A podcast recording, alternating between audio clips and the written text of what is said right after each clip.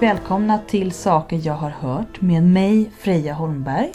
Och med mig, Emelie Zachrisson. Jag har en fråga till dig Emily. Spännande. Mm. Har du någon gång blivit avbildad naken på något sätt? Ja. Hur? Eh, Eller varför? eller varför? Jag hade en gång en kompis som eh, läste konst. Mm. Och det här var på gymnasiet. Jag var en, en liten skit bara. En alldeles nynaken skit, En jag, jag menar nynaken. nymogen skit. En jungfrulig liten skit. eh, nej, men hon skulle göra en film som handlade om gud vet vad. Och då Åh, ville hon ha tonåringar. något litet undernärt varelse. Och Skulle, vad, vad, vad gjorde du naken i Jag filmen? låg naken i ett badkar och hade färgstänk på kroppen och så filmade hon bland annat min ryggrad som var liksom alldeles... Den stack liksom ut som en insekt. Ah. Tyckte hon var coolt. Fascinationen för kroppen. Och också idén om hur kroppen ska se ut. Mm. Har du blivit avbildad in the nude? Ja, det har jag. Jag har blivit... ehm, jag vet inte om jag har blivit filmad. Jo, av mina föräldrar såklart. I så familjefilmer. Eller Mm. det är inte såklart, men i min familj så är vi ganska avslappnade med nakenhet. Så som barn och som vuxen har jag blivit filmad när jag badar. Men jag har också blivit fotograferad i kamerastudio av olika personer naken. Där jag också ska sitta lite framåtböjd och låtsas se ledsen ut och sådär. Mm. Som man gör när man är tonåring. Det är lite svårt och lite hemskt om man är lite utsatt. Sådana där bilder som man bara kommer uppskatta igen när man har fullt liksom 80 och kan visa för sina nu vuxna barnbarn. Och så här, kolla, kolla vad ung jag var en gång i tiden. Kolla hur min kropp såg annorlunda ut. Ja, kanske det. Då kanske de blir lite roliga att titta på igen, men nu är det bara pinsamt. Mhm. Ja, jag, jag har ju inte tillgång till den här filmen. Det enda, det enda som, jag har ju också blivit avbildad som barn. För att någonstans är det som att här, barn är... Upp till en viss ålder så är det inget konstigt att det finns en massa bilder på en naken. Men sen efter ett tag så bara, nej men sen blir kroppen jobbig. Ja, Eller svår eller, eller så- farlig eller jag vet inte. det är så svårt också att beskriva hur det börjar, eller alla har väl liksom ett minne av när det plötsligt känns fel att vara naken. Jag minns att jag, jag brukade alltid vara naken, naken. Jag växte upp i Stockholms skärgård så det var liksom ingen fråga om badkläder. Det var så här, en liten vik, lite vatten, eh, vi hoppade i, sen gick vi upp. Så låg vi och solade nakna på klipporna. Inga konstigheter. Det här var också på 90-talet när alla mammor solade topless. Jag vill bara påminna alla yngre lyssnare om att det har funnits en tid när alla mammor var topless, alltid. Och ingen stirrade och ingen tyckte det var konstigt. Tänk på det ni. Tänk vad vi har förlorat. Jag tycker vi ska fightas för det igen. Jag minns inte att det var så i Härjedalen. Härjedalen. Men eh, det kanske var så. Jag hoppas att det var det. Jag hoppas också det. Men jag har uppenbarligen förträngt. Ja. Eh, vad skulle jag säga? Jo, Jo, när man började känna att det var konstigt. Jag vet att jag var ute och, och badade och jag var typ 11. Och folk plötsligt tittade på mig som att jag liksom var helt sjuk i huvudet när jag började gå ner och bada. Och jag tänkte så här, har jag glömt något? Så tittade jag så här, nej men jag ska inte ha, jag behöver ingen badring. Och så kollade liksom folk ändå och pekade, eller inte pekade men det så här, som att eh, det var någon vuxen som var så här, oj, oj, oj, oj, sa någonting. Och då kände jag plötsligt en enorm skam kom över mig. Som jag inte förstod varför, men jag förstod bara att det var fel. Allt var fel. Jag visste liksom inte om det var att det var min kropp som var fel eller att min, min kropp var naken som var fel. Eller om jag hade konstig frisyr. Det var bara någonting som var fel. Så jag fick gå hem och rannsaka mig själv. Och sen så provade jag med badkläder nästa gång. Då kändes det jobbigt för mig, men Mm. alla andra tyckte att det var bra. Och så har det fortsatt. men vi har ju kommit fram till i tidigare avsnitt att jag är nudist så Ja, nudist, ja visst, det är fantastiskt. Japp. Eh, mer nakenbad, jag kommer inte ihåg när vi konstaterade men mer nakenbad till folket. Mm. Det är, är nyckeln till framgång. Ja, framgång eh, i själen. Just det, det var när vi pratade, för förra avsnittet pratade vi ju om kläder. Mm. Och att kläder är det ultimata straffet. Ja, och att därför så måste det vara mer nakenbad till folket. just det. Då, vad bra, då tar vi liksom an där vi slutar. Mm. Och idag tänkte vi att vi skulle prata om eh, kroppen. Mm. Avbildningar av kroppen, hur man har förhållit sig kanske. Mm. Lite grann. Vi ska inte gå så jättemycket in på så här liksom... Jag vet inte, vi kommer kanske prata lite om ideal men vi kommer liksom inte... Vi kommer framförallt fokusera på avbildningar och idéer om kroppen. Mm.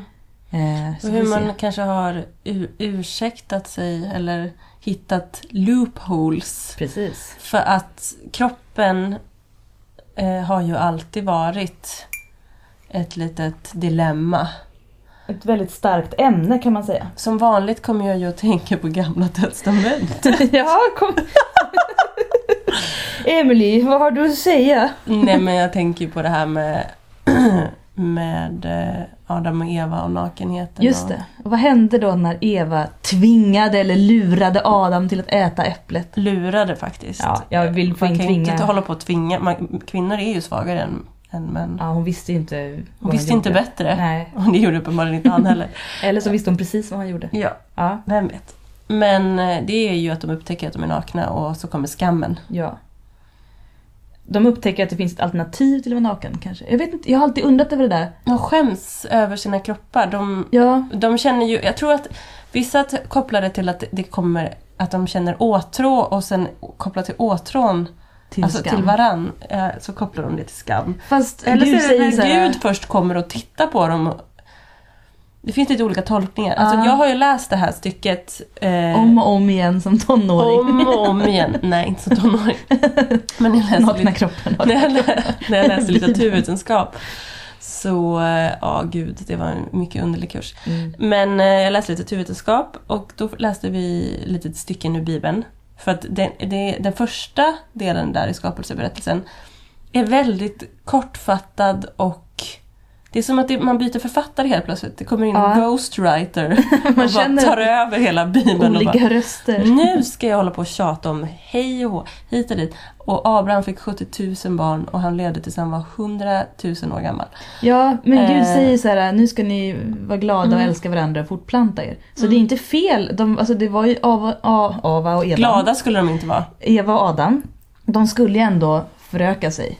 Men de skulle må skit. Ja, de skulle skämmas över att föröka Eh, sig. för att ett Eller? av, en del av straffet för, det här är ju så jävla hemskt men förlåt nu svor jag. Men eh, är ju att ja, Eva ska föda sina barn med smärta. Ja just det, det är det som plötsligt händer. Därav att man var Straff. väldigt emot förlossningsmedicin. Mm. Nu blir det det här med hur man förhåller sig till kroppen, skitsamma. Ja, Man, var emot förlossningsmedicin för det var en synd. Mm. För att det tog bort Guds vilja. Och Guds vilja var uppenbarligen att Eva skulle må skit Ja, och alla andra kvinnor.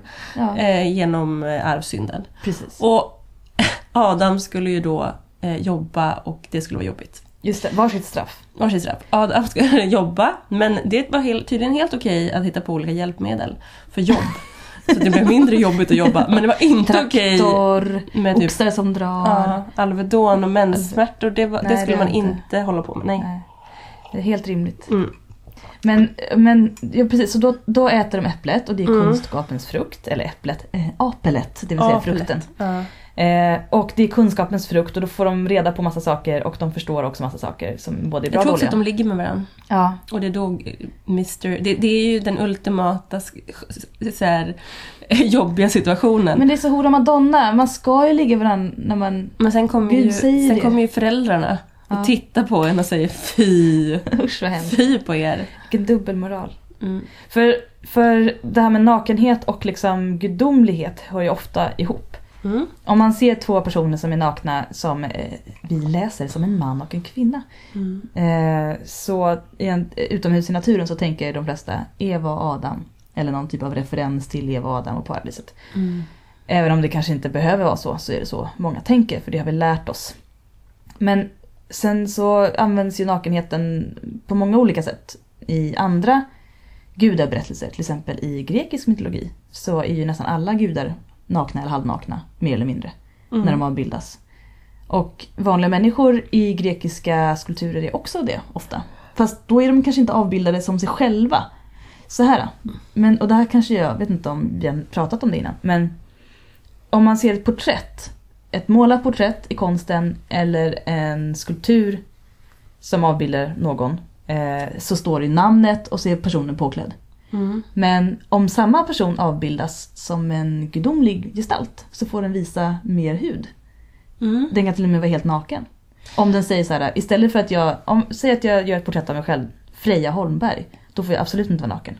Men om jag avbildar mig själv, Freja Holmberg som Venus, då får jag vara naken. Mm. Det vill säga, gudomlighet och nakenhet hänger ihop. Nakenheten blir då en symbol för det gudomliga. Det är väl också att om man är metaforisk, som Mm. till exempel Nej men det här är inte en naken tjej som står här och, och eh, ser, ser, är gjord av marmor Nej. och skäms. Utan det här är våren. Ja, det här är våren som och det kommer. här mystiska lilla tygstycket som hon har runt, runt eh, magen, som är det enda hon har på sig, det här lilla bandet som håller på att gå sönder. Det är liksom en metafor för en knopp som brister.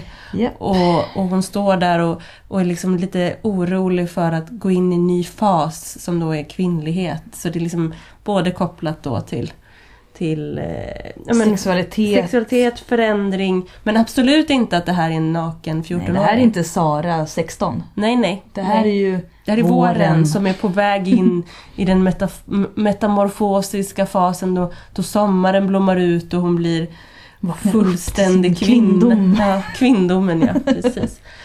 Det här är ju då en skulptur som jag beskriver som heter Snöklockan. Ja, som finns på Göteborgs konstmuseum om någon vill se den. Som är gjord av Hassel, Per Hasselberg. Per Hasselberg. Han gill- gjorde också den här modellen för Snöklockan på smällen.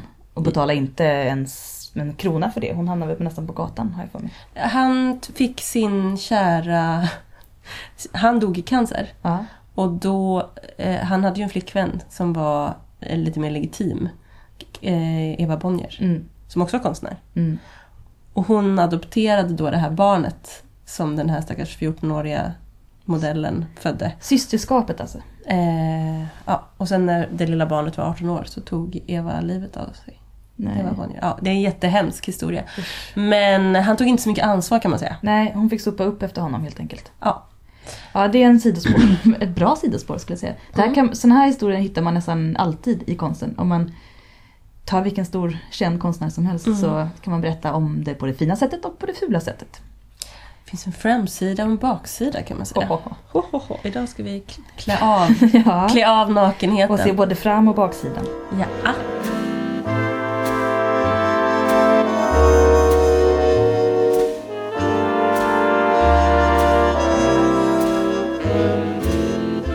Ja precis, så met- metaforerna är väldigt starka i nakenheten. Mm. Och det finns ju också då en orsak till varför många gudomliga gestalter eller metaforer avbildas just nakna. Är det här klassiska ordspråket. Människan är skapad i Guds gestalt. Guds avbild. Avbild, precis. Så hur- då kan man ju tolka det på många olika sätt. Man kan säga till exempel vi är gudomliga. Det finns många som tänker. Man kan säga så här, vi är inte dugg gudomliga, men vi ser ut som en gudabild. Det vill säga vår kropp är en representation av Guds storhet på något sätt här på jorden. Mm. Vad nu det innebär. Är det måtten på kroppen? Är det utseendet på kroppen? Är det funktionerna i kroppen? Är det liksom eh, vad vi gör med vår kropp? Allting, det går ju att tolka. Och det beror ju lite på vem man frågar. Precis. Fun- funktionerna brukar man ju inte vara så himla taggad på. Nej, där går ju kristendomen väldigt mycket emot Mm. alla funktioner. Det enda som egentligen är viktigt i kristendomens eh, kroppsuppfattning är väl att man inte visar den för någon. Så länge, så länge Man ska ett kontrollera sin kropp. Ja, man Det ska, handlar väldigt mycket om kontroll, tänker jag. absolut. Nu, nu kanske det finns någon kristna här som tänker nej men man får absolut visa sig naken. Ja det får man. Vi, vi drar, när vi pratar om kristendom så brukar vi tänka på medeltiden. Man får Vi- tänka att vi har ett stort perspektiv på historien. Ja, jag tänker att vi går ju tillbaka till en väldigt föråldrad äldre syn på, alltså så här, inte typ Svenska kyrkan, eh, Love's in the air. Den moderna. Utan, utan vi, nej men precis, inga, inga moderna tolkningar av någon religion egentligen. Nej, vi, Eh, lever inte idag. Utan vi, vi jobbar i historiskt perspektiv och hur man kanske sammanfattar olika strukturella kristna ideal. Mm, Liksom hur man använder sig av kristendomen eller olika rel- religioner för att kontrollera människor. precis. Och då var det liksom i Guds namn har man ju gjort allt möjligt vansinne. Ja, fortfarande. Till exempel ja, skuldbelagt kroppen och skambelagt kroppen. Ja. Eh, så vad skulle jag komma till? Jo, att våran kropp då är Guds avbild. Ja, det var där vi var. Det, kan, det finns ju både i kristendomen och i andra trosuppfattningar eh, på olika sätt. Och i, om vi går då till den romerska eller den grekiska mytologin som är väldigt influerade, eller romersk mytologi är väldigt influerad av grekisk mytologi. Så ansåg man då att den eh, mänskliga kroppen var en representation av liksom gudomlig närvaro på jorden. Så att visa upp perfekta kroppar i konsten skulle få oss andra människor, riktiga dödliga människor, att vilja sträva högre. Mm. Det vill säga, ser vi en kägelspelare eller en spjutkastare som kastar ett spjut eller rullar en kägla eh, och trots denna enkla göro har en otroligt atletisk kropp så ska vi bli, tänka till exempel så här. Åh, vilken fantastiskt vacker skulptur. Tänk att trots att personen bara rullar ett klot så har han tränat sin kropp till den milda grad att han liksom skulle kunna lyfta en bil. Men jag gör ju inte det. Jag kanske bara skriver. Men då kan jag bli så bra, övernaturligt bra på just att skriva. Som jag kan bli. Det var liksom Eller- en uppmaning till Sträva längre. perfektion Precis. i all sin enkelhet. Ja. Att se sin storhet, sin potential så att säga. I det lilla ändå. Ja. Mm. Eller i det provocerande vackra. som vi aldrig kan uppnå. Ja, för jag tänker att det här med, med den perfekta kroppen. Vi skulle inte prata så mycket om det, men kanske kommer in på det ändå. Ja, Eh, det kan vi prata om. eh, att, att man skulle liksom, att eh, kroppen är någon sorts tempel, att man skulle vårda kroppen. Eh, och att man skulle liksom, eh, ja men att man, eh, att män gymnastiserade nakna i antiken och att kropp, hur kroppen såg ut var en spegling av hur man var, det har vi nämnt förut, hur Mm. man var inuti. Mm. Så Att- var man vacker på utsidan så var man också vacker inuti. Ja. Det är ju en mycket intressant... Det är ju insidan som räknas Emelie. Eh, just det. Eh, precis, den sipprar liksom ut i På den musklerna. tiden fanns det alltså ingen skillnad mellan insida och utsida. Nej, därför behövde man inga kläder. Ja. Men sen kom ju den glada medeltiden då Mm. alla människor blir avbildade som barbapappor. Mm. Med kläder som förändrar kroppen. Mm. Eh, och som ska liksom förhöja vissa delar och förstöra andra, dölja andra. Hur tänker du nu? Eh, nej men kläder som formar kroppen på olika sätt eller döljer olika delar och sådär. Mm. Eh, vi har ju pratat om kläder i förra avsnittet så vi ska inte gå in mycket så mycket på det. Men måste flytta, flytta mig lite. Blir det lite prassel? Ja, ursäkta prasslet. Um, nej men till exempel så finns det ju väldigt många olika kroppsideal som sagt. Som har kommit och gått. Mm. Och kläderna har ju ofta förstärkt eller döljt saker utifrån idealet. Ja. Ehm, och också i den avbildade konsten då, om vi ska komma till det Mm. igen. Eh, den avbildade konsten, den avbildade kroppen menar jag, i konsten till exempel. Mm. Så har man ju väldigt praktiskt använt sig av konstnärens funktion att ändra kroppen. Alltså om man tar ett fotografi så kan man nu för tiden ändra ett fotografi. Men Mm. Från början så kunde man ju kanske inte göra det som man gör idag. Man jobbar inte lika aktivt på att I Photoshop. Man var väl lite mer fascinerad, tänker jag, av att så här, åh herregud, man kan ta en exakt bild av hur det exakt det ser ut. Precis, man såg det som en rå sanning. Mm. Men som till exempel en målande konstnär så kunde man ju måla någon lite vackrare än vad den var utifrån tidens ideal. Och det var ju väldigt användbart. Så det är svårt att veta om faktiskt människor såg ut så som de gör på porträtten. Alltså där har jag tänkt att eh, till exempel om du hamnar i en position där du är konstnär och så ska du måla av någon rich, rik galning liksom. Som ser helt kokobanon ut i facet eller i kroppen. Eller man, man bara så här, herregud, hur ska jag göra det här?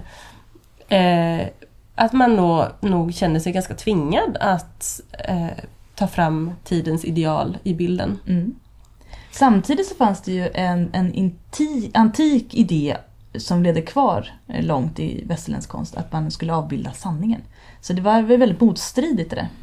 Jag tror man höll sig, att, att som konstnär så var det, det var nog en del av, av hantverksskickligheten att hålla sig precis så nära sanningen eh, så att man eh, ändå gjorde sin, sin, sitt jobb. Men precis så långt ifrån så man inte blev typ mördad. Man framställer någon från dens bästa sida. För jag tänker att det är ju väldigt objektivt, eh, alltså så här, hur, att avbilda någon man kanske inte alls tycker att man ser ut som man gör på porträttet. Alltså så här, du, går ju genom någon eller bilden går ju genom någon annans Mm. blick, Filter. Filter. Så att du kanske inte alls håller med Nej. och inte alls tycker att det här är sanning. Och sen så avrättar du konstnären för Det- att du är nämligen kejsaren av Ryssland. Ja, visst. det kan hända. Eller något.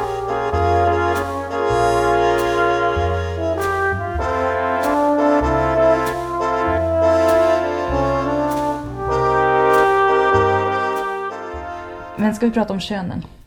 Ska vi Ja, prata om könsorganen? jag, Nu- låt oss prata om könsorganen. Nu går vi dit. Jag får väldigt ofta frågan på konstmuseet varför skulpturerna på nakna människor ser ut som de gör. Och det är alltid någon som kommer fram efteråt, lite i smyg och frågar Men varför har de så små snoppar? Ja, varför har de så, så små snoppar, Ja, Freja? Varför? Vet, vet du det? Ja, jag vet. Ja. Det finns många svar på frågan. Eh, Jag vet ett svar, eller jag har, en, har hört en teori. Mm, säg den. Att det handlar om ideal. Att det fanns ett ideal att man skulle ha en ganska liten mandom Mm, eh, i de här eh, atletiska bilderna i alla fall. precis. Och det, det här har du i och för sig kanske sagt redan eh, när vi pratade om eh, antikens Grekland. Jag kommer inte ihåg. Nu, typ kanske första avsnittet har jag för mig. Ja, strunt samma. Men ja, det skulle vara smått för det ansågs vara vackert.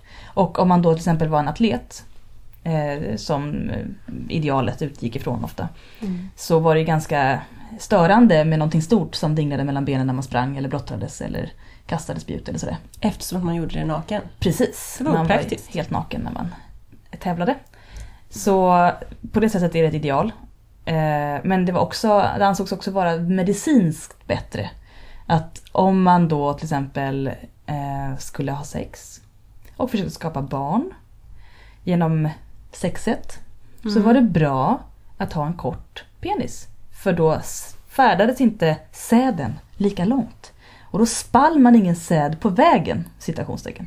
Det vill säga, ju längre snopp du hade, desto mindre sperma ansåg man kom ut.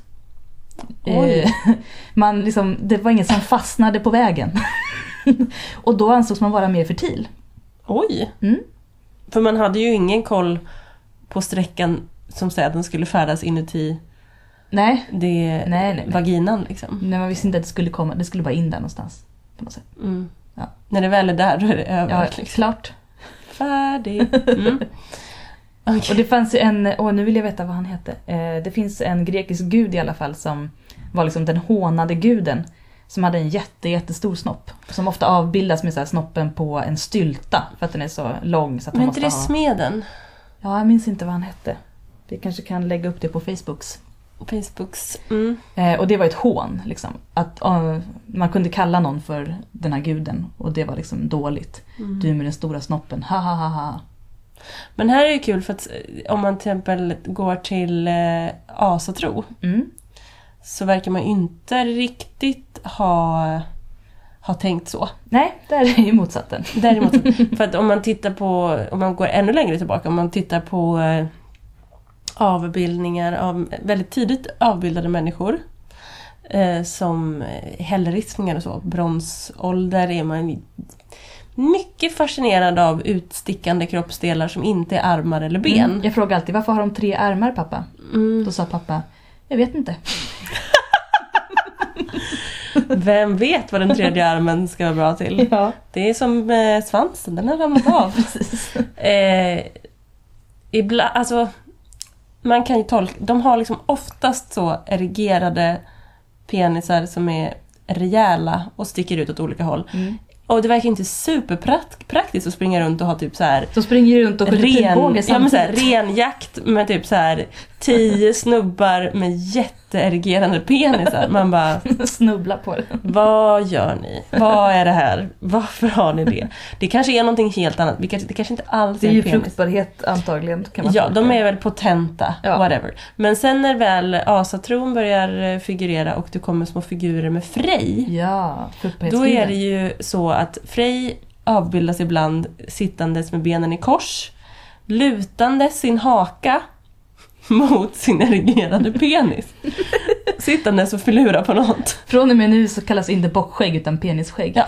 Det är liksom skägg möta, det ser inte skönt ut. Det ser ganska, jag tänker att det måste vara, det är ju en känslig del. Ja. Men eh, det är liksom, han har det han, som, en, som en så kallad stylta då. Mm.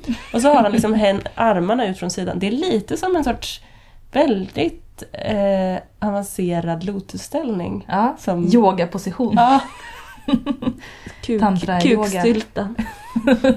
Men eh, ja, så den, det, det, det, här i Norden så var ju, verkar ju stor kuk var I alla fall. potent. För Frej var ju en väldigt poppis gud. Inte alls någon man hånade någon med utan mer en yay, partyguden.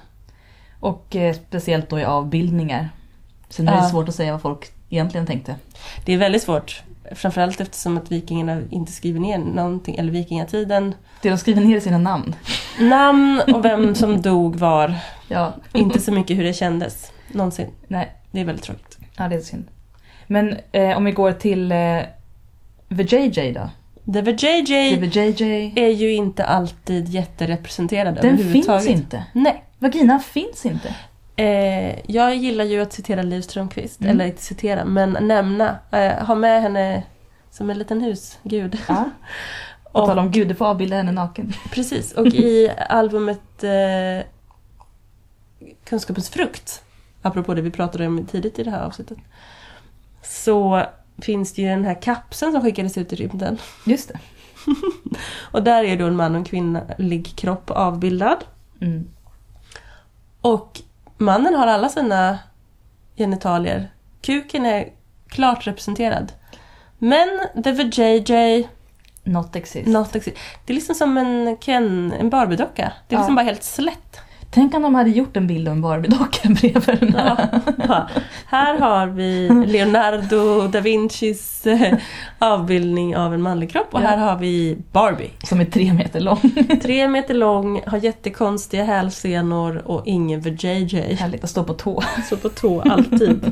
Så att hon kan ha högklackat. Men vad, det var, jag tror att det var någon aktivistgrupp i Stockholm som gick runt och målade dit springor på olika offentliga eh, gudinnor i Ja, stadsrummet.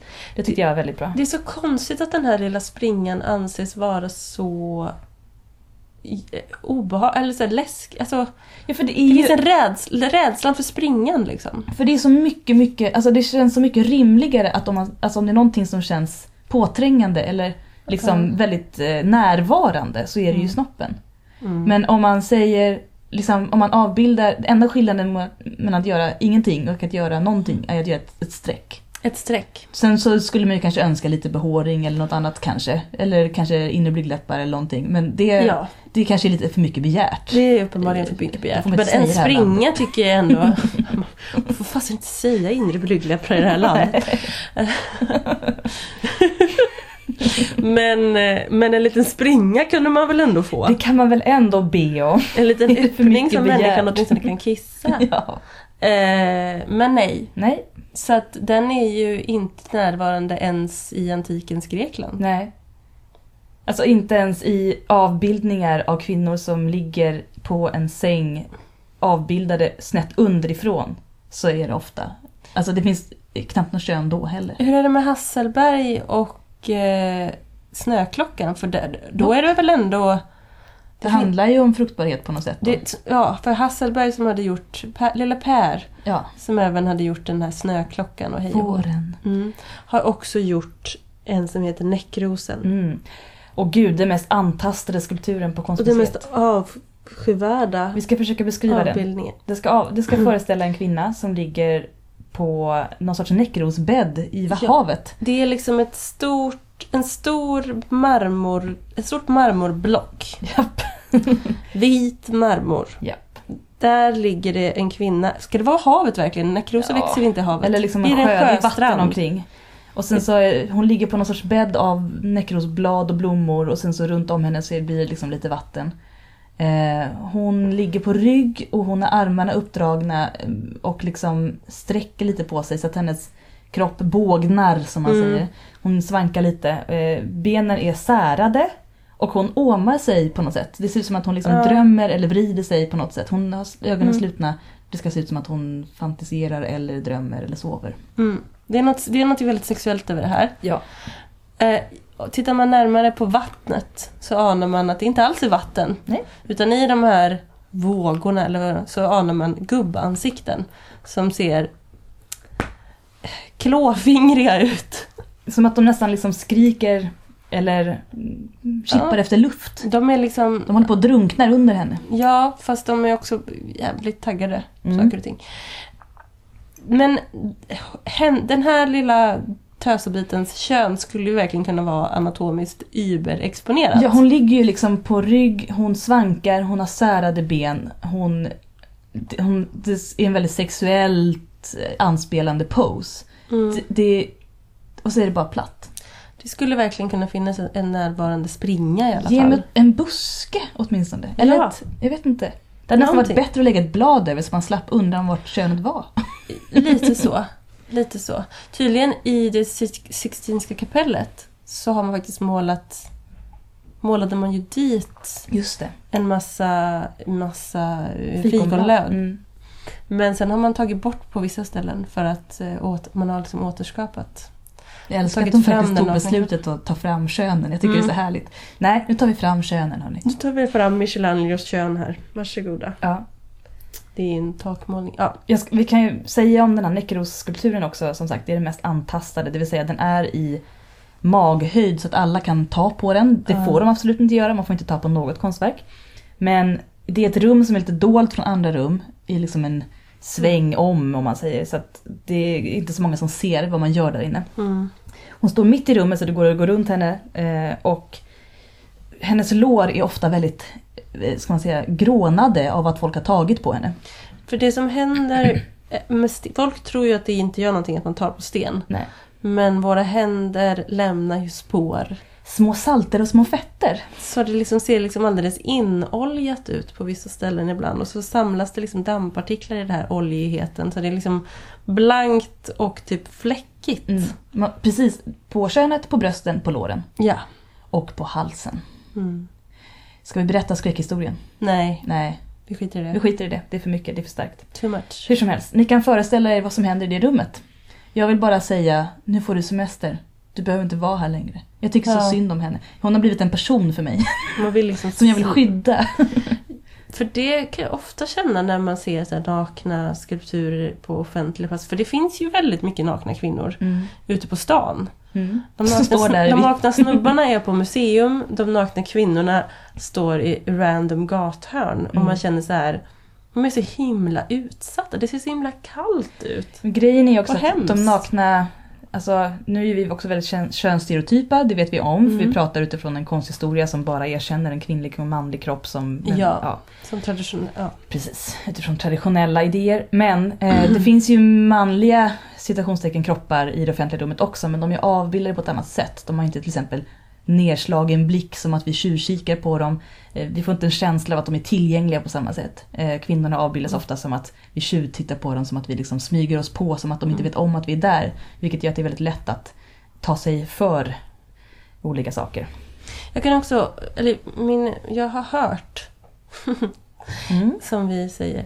Eh, att många män som är avbildade i offentliga miljöer har oftast ett namn. Ja, Är oftast en person, en, en så kallad riktig person. Medans de här kvinnorna som, som är avbildade är ju just metaforer. mm. Eller bara ah, namnlösa varelser. Och som sagt, tittar inte. De, det är som att de bara de ska bara avnjutas. de ska tittas på. Ja. Mm. Och jag, ja. Det, det här med den kroppen. Suck. Suck, man blir lite trött. Det är också ett, eh, en intressant spaning. Ehm, Det stämmer inte alltid, men väldigt ofta. Om du ser olika porträtt på kvinnor i historien så kan det stå till exempel okänd kvinna. Eller om det finns ett konstverk som det står okänd konstnär så är det ganska ofta en kvinnlig konstnär som ingen riktigt brydde sig om Mm. eller vill erkänna. Varpå det blir okänd konstnär. Och de okända kvinnorna, även om de är avbildade liksom i fina högre ståndskläder och verkar tillhöra en fin familj, till och med om de har sin vapensköld bredvid sig, Mm. eh, för att visa att de tillhör en fin familj, så står det kanske ändå inte deras namn. För det var ingen Nej. som brydde sig eller kom ihåg vem det var. Ehm, det eviga utskrivandet ur historien. Ibland är det också så att ett porträtt eh, av en kvinna, att man, när man gifte sig. Eh, det här sker ju på 1800-talet, men även tidigare. Eh, jag, tror, jag kommer inte ihåg, men det här med att man gör ett, ett porträtt, ett dubbelporträtt, att man liksom avbildar sig och sin make eh, när man gifter sig. Och det som, Inte nakna, obs. inte nakna, påklädda. Ja, på 1600-talet så hade man ju de här påklädda. sköna rustningarna och grejer. Ja. Eh, romerska rustningar. Men att man, att man just eh, var liksom någons fru. Precis, Eh, tillhörighet. ibland ett dubbelporträtt så att man är i samma tavla. Men mm, inte helt ovanligt att man var på varsin tavla. Mm. Och då är det ofta så att det kan vara så att maken var den enda namngivna. Och om den tavlan till exempel förstörs eller försvinner eller ja, De, de separeras, på olika sätt. då blir helt plötsligt det här kvinnoporträttet okänt vem det är. För att hon har kvinna. bara funnits i anslutning till sin man. Mm. Hon existerar bara i hans namn. Ja. Bra förklarat Emily. ja.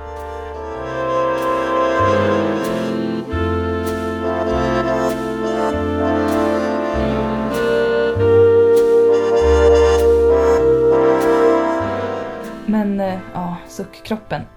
Ska man säga så här, vad har man för relation till kroppen i konsten idag?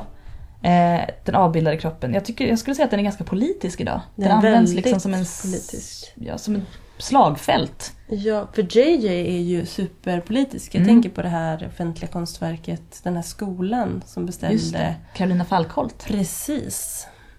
Eh, att kroppen, tar man, tar, exponerar man den idag så måste man göra det genom att verkligen säga någonting. Ja, och vad hon gjorde det var att hon fick en, en uppgift att måla en väggmålning på en, var en högstadieskola. Ja, så målade hon, hon en vagina. Nu rapar Ja. jag i, i radio. Det är okej. I Vi får göra vad vi vill i den här så kallade radion. eh, jo, det, det är många som säger direkt det är en vagina. Hon var såhär, det är en tolkningsfråga. Men vad det ser ut som för många är eh, ett par ben klädda i eh, strumpbyxor, nätstrumpbyxor.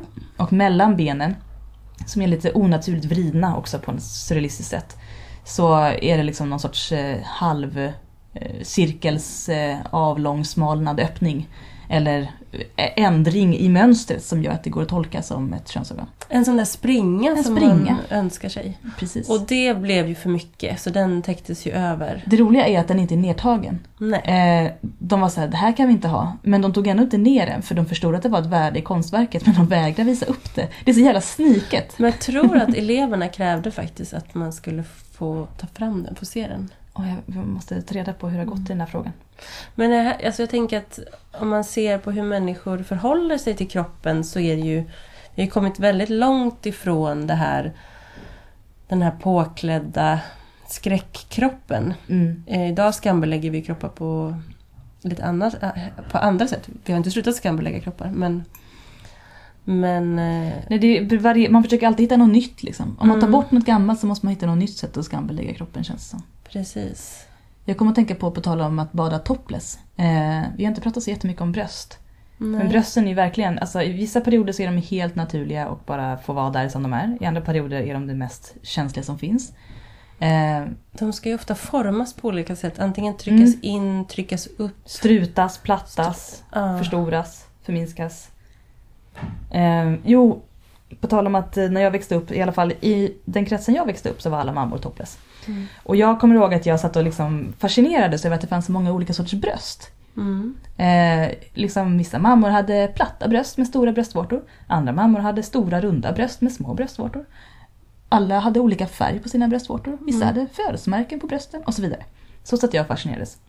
Mer liksom utifrån ett studerande, liksom, ett jämförande, inte som på något sätt liksom, Värderande. värderande utan bara så här: wow, kolla vad olika kroppar det finns. Vilken fauna. Ja, eh, och det får man inte se riktigt om man inte utsätts för det, tänker jag. Alltså, då blir ju kroppsidealen ännu mer avsmalade om det enda som man liksom blir exponerad för är det som väljs att visas för folket i offentlig media. Ja, och de hjälpmedel om man säger så, som till exempel BHR och men olika typer. Vi håller ju fortfarande på med kroppsformning. Mm. Nu kommer vi in på kläder igen. Men att, att media, att avbildningen av kroppen är ju väldigt eh, strävande, lik, likhetssträvande. Ja. Eh, och allt som avviker är ju fortfarande väldigt eh, skambelagt och eh, obehagligt. Tänker på den här kvastbilden som vi pratade om förut. Ja, eh, Io Susuraya. Mm. Som Konstnär. en konstnär, en finsk konstnär som har tagit självporträtt. Eh, Mm. där hon till exempel gör kvasttestet. Istället för penntricket. ja, alla som någon gång har läst Frida, eller haft en kompis som har läst Frida, har säkert varit utsatta för penntestet eller penntricket någon gång. Nu måste jag känna att jag aldrig har gjort penntricket. Men Jag jag, aldrig gjort det heller. umgicks inte heller med folk som läste Frida. Jag hörde av mina vänner, alltså när jag, jag hade också bara killkompisar när jag växte upp, men när jag blev typ 12 så började jag få tjejkompisar. Vilket var en hel chock, Ja, kulturchock. Ja, det, De bara, får jag följa med och kissa? Jag bara, nej, jag ska kissa själv. Eller, vadå, får jag följa med in så kan vi prata? Nej, jag ska kissa. Nu har jag vant mig, nu kissar jag med vem som helst. Men penntricket. penntricket eh, var ju någonting som eh, dessa unga flickor, eh, fortfarande kvinnor, ut, eh, höll på med. Mm.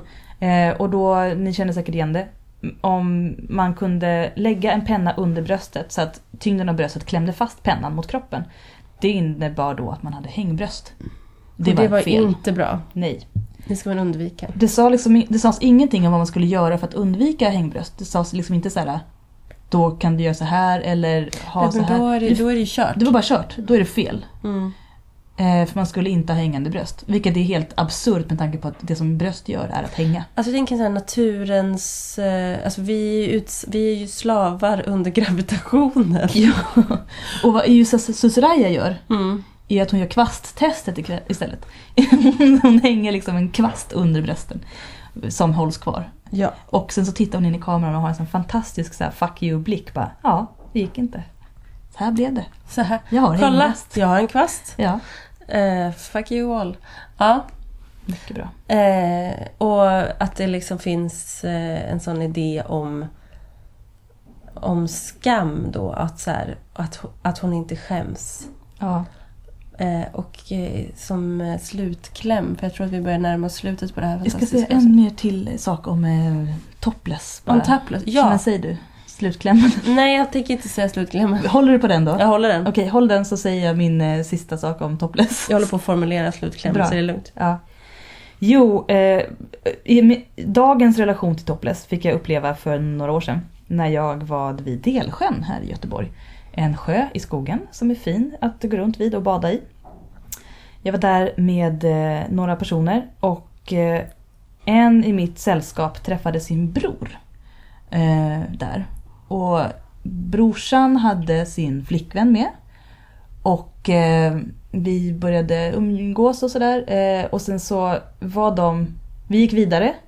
Eh, och sen så träffade vi några av brorsans kompisar.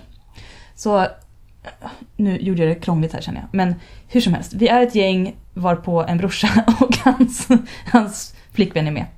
Eh, och när vi går runt där så träffar de ett annat gäng som, de, som brorsan känner. Och när vi går därifrån så säger brorsans flickvän eh, hans, alltså om brorsans kompis då. Eh, flickvännen säger, din kompis flickvän var topless. Hur kan han låta henne vara topless? Och det var bara så otroligt många lager av utveckling åt fel håll kände jag. För det första att en, en kvinna då dömer en annan kvinna fast inte tycker att det är hennes ansvar heller utan det är liksom pojkvännens ansvar att dölja sin kvinnas kropp. Och rättighet att, Och rättighet. att dölja en annans kropp. Ja. Att så här, och skyldighet. ja. Hur kan han inte förstå att han ska få henne att göra något hon uppenbarligen inte vill? ja. Eh, Och, och, liksom, och brorsan då nickade så här instämmande. Varpå alla andra i det här gänget som var lite mer queera eh, tittade på varandra och bara rodnade av skam och ilska. och sorg, inte- tänker jag. Ja, sorg och uppgivenhet. Det finns ju alltid liksom en, en sorg. Men ingen vågade heller säga något. Nej. Vilket också var jättesorgligt. Jag tänker att slutklämmen i det här alltihopa är väl att så här, vi har kommit så långt och ingenstans. Och kroppen är fortfarande typ det mest laddade vi kan prata om. Vare sig vi vill täcka den eller inte. Mm. Jag tänker hela debatten slöja, icke slöja. Alltså, Ja. täcker vi den så är det fel, täcker vi den inte så är det fel. Har den en viss form så... Man kan inte göra rätt. Nej. Och ju mer man sidan- vet om kroppen, Ja. man blir inte klokare för det. Då hittar man bara på fler saker att döma kroppen på. Precis. Men jag tänker att eftersom att man inte kan göra rätt så kan man heller inte göra fel. Åh, vad bra Emily. Eh, slutet gott, allting gott. Eh, tack och hej. Tack och hej leverpastej.